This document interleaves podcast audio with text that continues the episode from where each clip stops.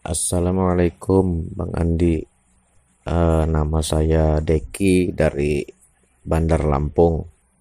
Saya mulai ketemu dengan channel Bang Andi ini kira-kira satu bulan sebelum bulan Ramadan kemarin. Setelah beberapa kali saya tonton video-video dari Bang Andi, saya merasa cocok. Oh iya Bang Andi, sebelumnya pada tahun sekitar tahun 2001 atau 2002 saya pernah ikut belajar zikir juga tapi sedikit berbeda dengan metode yang ada di zikir Bang Andi. Waktu tahun 2002 itu saya ikut di yang namanya nadi atau naluri diri. Gurunya orang dari Medan, dari sekitaran Istana Maimun. Nah, dia metodenya tarik nafas dengan menyebut la ilaha illallah.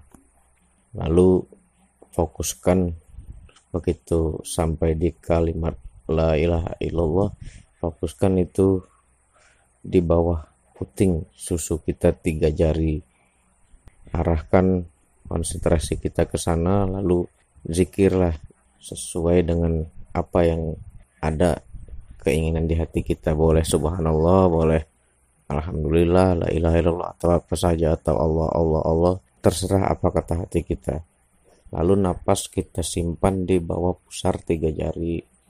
Nah, setelah mengikuti itu banyak pengalaman saya yang, yang yang saya dapatkan. Salah satunya saya yang tadinya takut melihat orang kesurupan.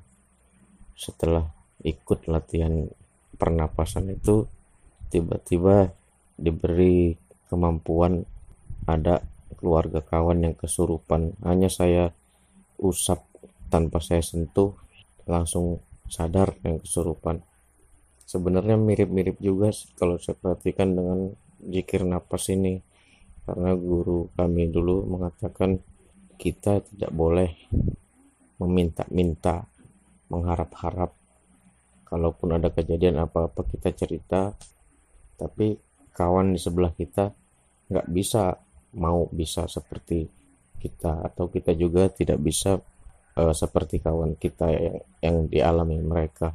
Yang satu lagi yang kejadian yang yang di luar nalar pernah latihan di dalam rumahnya ketika tahan napas saking fokusnya saya dengan zikir yang ada di hati sebelum kata guru napas kita lepas saya tidak lepas saya hanya fokus ke Allah tiba-tiba saya terpental Kepala saya menghantam tembok Bang Andi dengan sangat kencang. Lalu saya tidak sadar. Tidak lama di, saya disalami oleh guru. Dia dia beri salam, Assalamualaikum.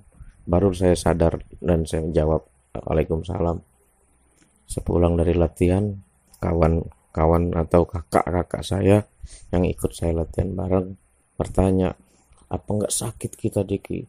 Kepala kamu kebentur itu bunyinya udah kayak kayak batok kelapa kalau menurut akal sehat itu harusnya udah udah pecah batok kepala kamu tapi yang saya nggak merasa apa-apa. Dan alhamdulillah sampai saat ini nggak ada masalah di kepala saya. Nah itu itu memang di luar logika.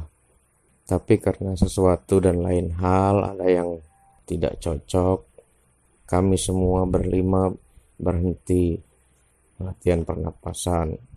Tapi masih ada yang sampai sekarang tersisa di di badan saya ini. Kalau di Bang Andi bilangnya daya, kalau di pernapasan nadi itu dia bilangnya power.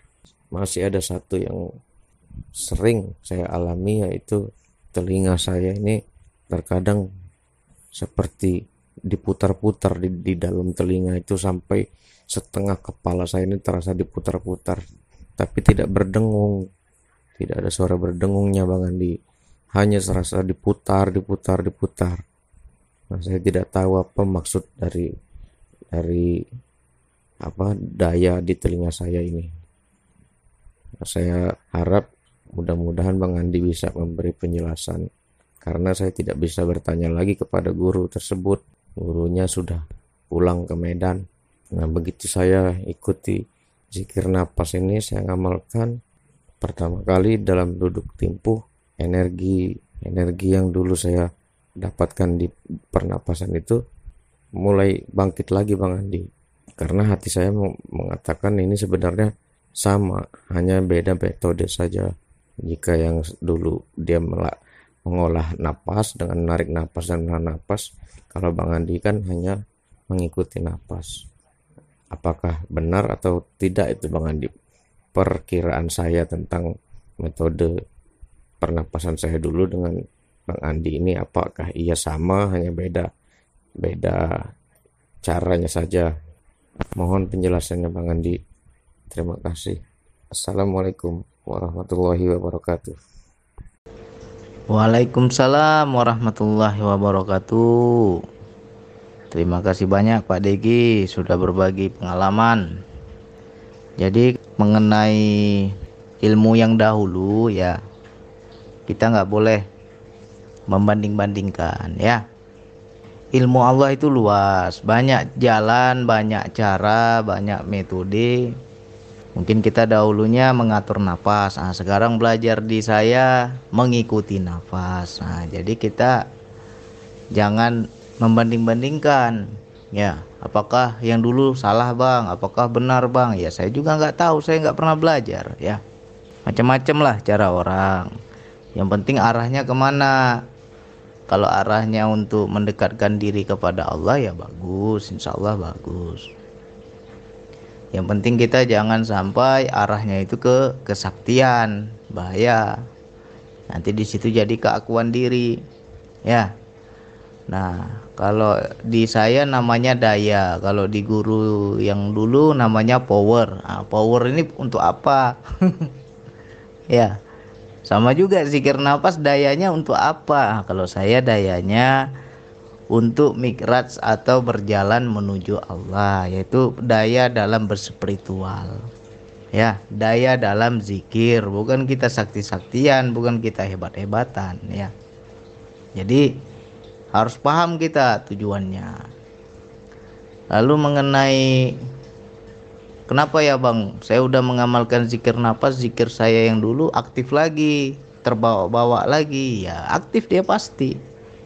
Makanya bedanya orang yang sudah punya basic dengan orang yang kosong, sebenarnya lebih enak kita yang sudah punya basic. Bagi teman-teman yang dahulunya pernah belajar zikir tertentu, lalu sekarang ketemu metode zikir nafas. Karena kita sudah punya basic zikir itu lebih cepat untuk memahami daya. Ya. Nah, yang penting kita fokus pada Allahnya, jangan pada dayanya. Karena kalau kita fokus pada dayanya, nanti jasad ini ya getar-getar nggak nentu. Ya kan? Bergerak sana, bergerak sini. Kita ya berpusing-pusing di situ aja tapi nggak jalan-jalan. Itu namanya orang yang terjebak pada daya. Makanya kita harus ikuti daya yang di jiwa, jangan daya yang di jasad. Kalau daya yang di jasad itu larinya nanti ke gerakan. Bergetarlah, ya kan? Kejang-kejang. Tangannya bisa menari segala macam.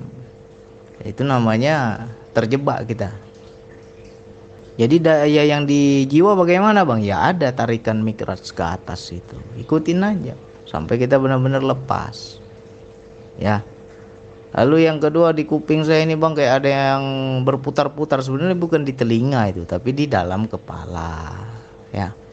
Cuman kita perasaannya di telinga itu sebenarnya daya juga daya juga itu sebenarnya. Apakah itu nggak bisa hilang bang? Bisa hilang. Yang penting kita fokus pada kehidupan, jangan terlalu fokus pada dalam diri ya. Misalkan daya itu turun tuh muncul itu Bang, perasaan ini kayak diputar-putar kepala saya, Bang. Kayak ada suatu daya yang berputar itu. Kalau kita masuk ke situ, kita amati, ya makin besar dayanya. Jadi harus diabaikan. Ya. Fokus saja kita kepada kegiatan kehidupan kita jangan kita fokus di dalam itu nggak bagus juga terlalu fokus di dalam itu. Nanti dia hanyut kita nanti kok makin terasa ya makin terasa makin terasa. Ya. Nah mengenai yang tadi itu sebenarnya itulah adab berguru ya. Banyak kejadian teman-teman yang lain. Kalau kita bilang kenapa kepalanya nggak pecah bang? Kalau secara logika pecah itu terbentur begitu kerasnya. Tapi karena kita beradab kepada guru betul mau belajar dan kita yakin pada pembimbing pada guru. Ya di situ Allah lindungi. Ya nggak ada yang celaka. Kalau orang beradab pada guru nggak celaka. Ya. Nah ketika adab kita bagus ya Allah lindungi kita. Ya. Nah sama juga seperti teman-teman yang lain belajar patrap sakratul maut. Kepalanya terbentur ya dari posisi berdiri jatuh terlentang ke lantai kepalanya terbentur. Kalau kita secara logika ya bahaya itu bisa geger otak orang ya kan? Tetapi sampai sekarang nggak ada yang kejadian macam-macam. Nggak ada yang sakit ya. Nah jadi di situlah ketika kita betul mau belajar menimba ilmu beradab kepada guru ya nggak ada yang celaka jadi kalau memang sudah dipisahkan oleh Allah, bang, aku mau belajar lagi, mau bertanya lagi, gurunya udah nggak ada, bang, nggak tahu di mana sekarang, tak masih hidup, tak udah mati, ya kan? Entah dia di mana, aku nggak tahu kabarnya. Ya kita minta aja kepada Allah, lurus saja kepada Allah, jangan bergantung kepada guru. Biasanya seperti itu. Terkadang murid ini terlalu pertama beradab dulu dia. Beradab sama guru dia ikuti semua kata guru. Timbullah yang namanya mahabbah ya. Cinta kasih kepada guru. Ternyata banyak ucapan-ucapan gurunya itu ya kita bilang punya karomah. Guru kalau udah ngomong kejadian. Di situ tambah takjub kita wah guru aku betul-betul ini. Kalau dia udah ngomong kejadian. Akhirnya apa? Secara tidak sengaja atau kita tidak sadari kita pertuhankan guru itu. Kita dewa-dewakan guru itu. Nah di sini Allah kadang murka. Allah marah ya. Itu namanya udah jadi hijab udah jadi berhala. Ketika muncul itu berhala dibuatlah suatu peristiwa ya kita berubah hati kita. Awalnya kita senang sama guru jadi nggak senang. Awalnya cocok jadi nggak cocok. Kenapa kamu meninggalkan guru nggak cocok lagi bang ajarannya bang? Kata kita nggak cocok, ya kan? Padahal itu cara Allah sebenarnya itu. Cara Allah menghancurkan berhala diri kita. Akhirnya apa terpisah kita dari guru. Ketika kita udah terpisah ya di situ tidak ada lagi yang namanya pengkultusan. Jadi kalau kita mau kaji-kaji kehakikatnya ya rahasia Allah juga itu. Ya, makanya kenapa saya selalu ya kita sama-sama belajar lah. Nggak ada guru nggak ada murid. Saya juga risih kalau kalian anggap saya guru. Ya. Karena nanti akan begitu. Awalnya cinta cinta cinta mahabbah senang percaya. Lah hilang itu. Nggak percaya lagi lah aku. Ya kan? Kok nggak serak lagi hatiku? Kok rasanya nggak cocok lagi hatiku dengannya Nah, itu tandanya Allah yang menghancurkan. Ya. Baru setelah kita sudah berpisah dengan guru ya kayak layangan putus. Banyak itu kejadian begitu. Kenapa ya bang? Setelah aku udah nggak ke sana lagi, nggak berguru lagi, nggak ada lagi silaturahmi sama guru, aku hambar bang, putus bang. Daya itu hilang bang, ya. Di situ cara Allah Allah hendak kita bergantung penuh kepada Allah jangan kepada guru. Ya makanya nanti itu putus. Antara dua kita yang meninggalkan guru atau guru yang meninggalkan kita. Ya. Nah jadi kita biasa-biasa aja. Sama siapa pun kita belajar jangan ada yang namanya pengkultusan. Allah nggak suka itu. Ya Biasanya murid yang paling membenci gurunya adalah murid yang paling menyayangi gurunya. Rata-rata itu. Paling dia sayang sama gurunya. Rupanya di akhir cerita dia yang paling benci gurunya. Itu cara Allah. Menghancurkan berhala diri di hati kita. Ya. Jadi istiqomah terus belajar terus. Ya nggak usah dicari-cari. Maknanya apa bang kok aku rasakan dayanya berputar? Saya pun nggak tahu maknanya apa. Ya. Yang penting kita fokus saja. Jangan kita terlalu hanyut di dalam diri. Ya. Begitu juga zikir nafas ini. Jangan sampai ada pengkultusan. Baru belajar langsung banyak kejadian yang luar biasa. Yang kayak cerita tadi kan bang ada orang kesurupan. Kusap aja bang. Langsung sembuh bang itu kan anugerah tapi bisa juga jadi ujian. Kalau saya dulu waktu saya kumpul di Medan sama kawan-kawan ada jemaah kita yang kesurupan malah lari saya. Malah lari saya betul. Takut saya ya kan? Terkejut saya. Nah jadi di sinilah hati-hati kita. Banyak nanti udah mengamalkan zikir. Allah kasihlah permainan. Kalau kita bilang permainan itu semua itu. Dikasih kejadian-kejadian yang luar biasa, yang di luar nalar, ya. Timbullah bisikan setan, kau hebat, kau sakti, wah kau ini punya karomah. Kejadian sekali, besok kejadian lagi. Wih, ternyata kalau sudah dekat sama Allah sudah berzikir sama Allah banyak kelebihan ya kan dikasih karomah sama Allah di situ takjub kita pada diri. Nggak kita lihat lagi Allahnya. Ya banyak kejadian. Teman-teman zikir nafas itu sering juga bercerita begitu. Ada tetangganya setiap maghrib itu selalu kesurupan. Terdoronglah di hatinya ya. Bang Andi aku ingin nolong lah bang. Tapi aku nggak ada ilmunya dia bilang. Setiap maghrib itu selalu kesurupan bang. Padahal anak gadis itu kasihan. Nah jadi karena dia minta izin sama saya boleh nggak bang kalau aku nolong? Ya coba aja saya bilang. Begitu dia datang depan pintu rumahnya langsung sadar. Belum didekati belum di dipegang belum disentuh langsung sadar orang itu. Ya kan? Lalu cerita dia sama saya. Mantap bang. Ampuh bang. Saya baru depan pintu sudah sudah sadar dia sudah sembuh dia saya pun kaget dengarnya ya kan? Wih sakti kali ini.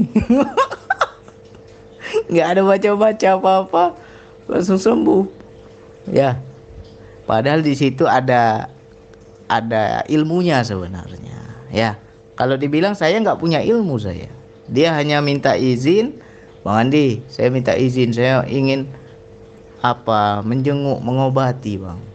Kasihan saya lihat setiap hari dia selalu kesurupan akhirnya saya izinkan ya coba saja kau minta sama Allah saya bilang padahal saya nggak punya ilmu loh tapi karena dia sudah yakin ah Bang Andi udah ngomong nih aku yakin aku pede nih ya kan ketika dia beradab di situlah Allah berikan karomah begitu dia baru depan pintu langsung sadar itu ya Apakah saya yang hebat? Saya yang sakti? Enggak. Apakah dia yang sakti? Enggak. Tapi karena adabnya lah mendatangkan karomah. Ya. Tetapi yang begini-begini nggak bisa diminta. Ya. Nah, besok kejadian lagi coba. Cobalah datang. Belum tentu bisa kejadian lagi seperti itu. Ya. Nah, di situlah dibuatlah diberikan sedikit permainan sama Allah. Gimana hatinya ini? Aku mau tes dulu hatinya. Kalau aku kasih kasih dia kelebihan, dia tambah rendah hati atau tambah congkak hati. Ya. Nah, jadi untuk saudaraku, sahabatku, di sini poin yang saya hendak berikan adalah satu adab. Ketika kita beradab kepada guru, ya, yakin kepada guru, insya Allah karomah datang nggak diminta-minta itu ya itu satu yang kedua jangan sampai kita menjadikan guru itu berhala bahaya. Ya nanti ketergantungan sama guru Allahnya kita nggak pandang lagi. Itu berbahaya. Jadi tetaplah biasa-biasa aja. Kalau nanti kita dikasihkan ke kejadian yang di luar nalar ya. Banyak kejadian-kejadian yang ah nggak logika lah bang kalau saya bilang. Ya kembalikan pada Allah sudah kehendaknya sudah maunya dia ini semua afalnya dia bukan kita yang bisa. Ya kembalikan semua kepada Allah. Jadi tidak ada kita keakuan. Ya jadi lebih enak itu kita nggak tahu apa-apa nggak bisa apa-apa. Karena kalau kita sudah merasa tahu merasa bisa di situ ada keakuan. Ya nah jadi belajar zikir itu bukan untuk hebat-hebatan tapi untuk dekat kepada Allah. Insya Allah kalau kita semakin dekat kepada Allah ya kejadian-kejadian luar biasa itu ya semua atas izin Allah. Ya syukuri aja kalau dapat kita. Banyak bang kejadian luar biasa. Saya jatuh dari motor ditabrak mobil, mobil motornya hancur, tapi saya sedikit pun nggak lecet. Ada itu yang begitu, ya kan? Kenapa bisa terjadi seperti itu? Ya kuasa Allah. Apakah dia yang hebat? Nggak hebat dia, dia nggak punya apa-apa. Tapi semua itu kuasa Allah. Ketika hati kita terpaut kepada Allah ya, insya Allah Allah lindungi kita. Jadi kembalikan pada Allah, jangan sampai kita mencari itu, banyak orang salah niat, ingin belajar zikir, ingin sakti, ingin belajar zikir, ingin punya karomah. Justru yang begitu nggak dapat, karena dia minta, dia cari-cari. Ya, jadi untuk saudaraku, sahabatku, ada berguru itu penting. Prasangka baik kepada guru, ya, yakin kepada guru, percaya kepada guru itu ya bagus. Tetapi hati-hati juga terlalu cinta, terlalu mahabbah. Dan ketika seorang guru sudah dikultuskan, didewa-dewakan, ya nanti endingnya akhir cerita ya Allah balik itu. Awalnya sayang jadi benci, awalnya suka jadi nggak suka, awalnya cocok jadi nggak cocok. Jadi ketika kita berpisah dengan guru jangan salahkan guru ya. Jangan kita benci kepada guru jangan. Semua itu cara Allah semua biar apa kita kiblat kita tetap Allah bukan lagi makhluk ya mudah-mudahan ini manfaat untuk saudaraku semua sahabatku semua kalau ada kejadian yang luar biasa ya jangan di apalah jangan dikagumi kali ditakjubi kali ya nggak boleh terlalu takjub serahkan pada Allah semua atas kuasa Allah Oke, hanya itu yang bisa saya sampaikan. Wassalamualaikum warahmatullahi wabarakatuh.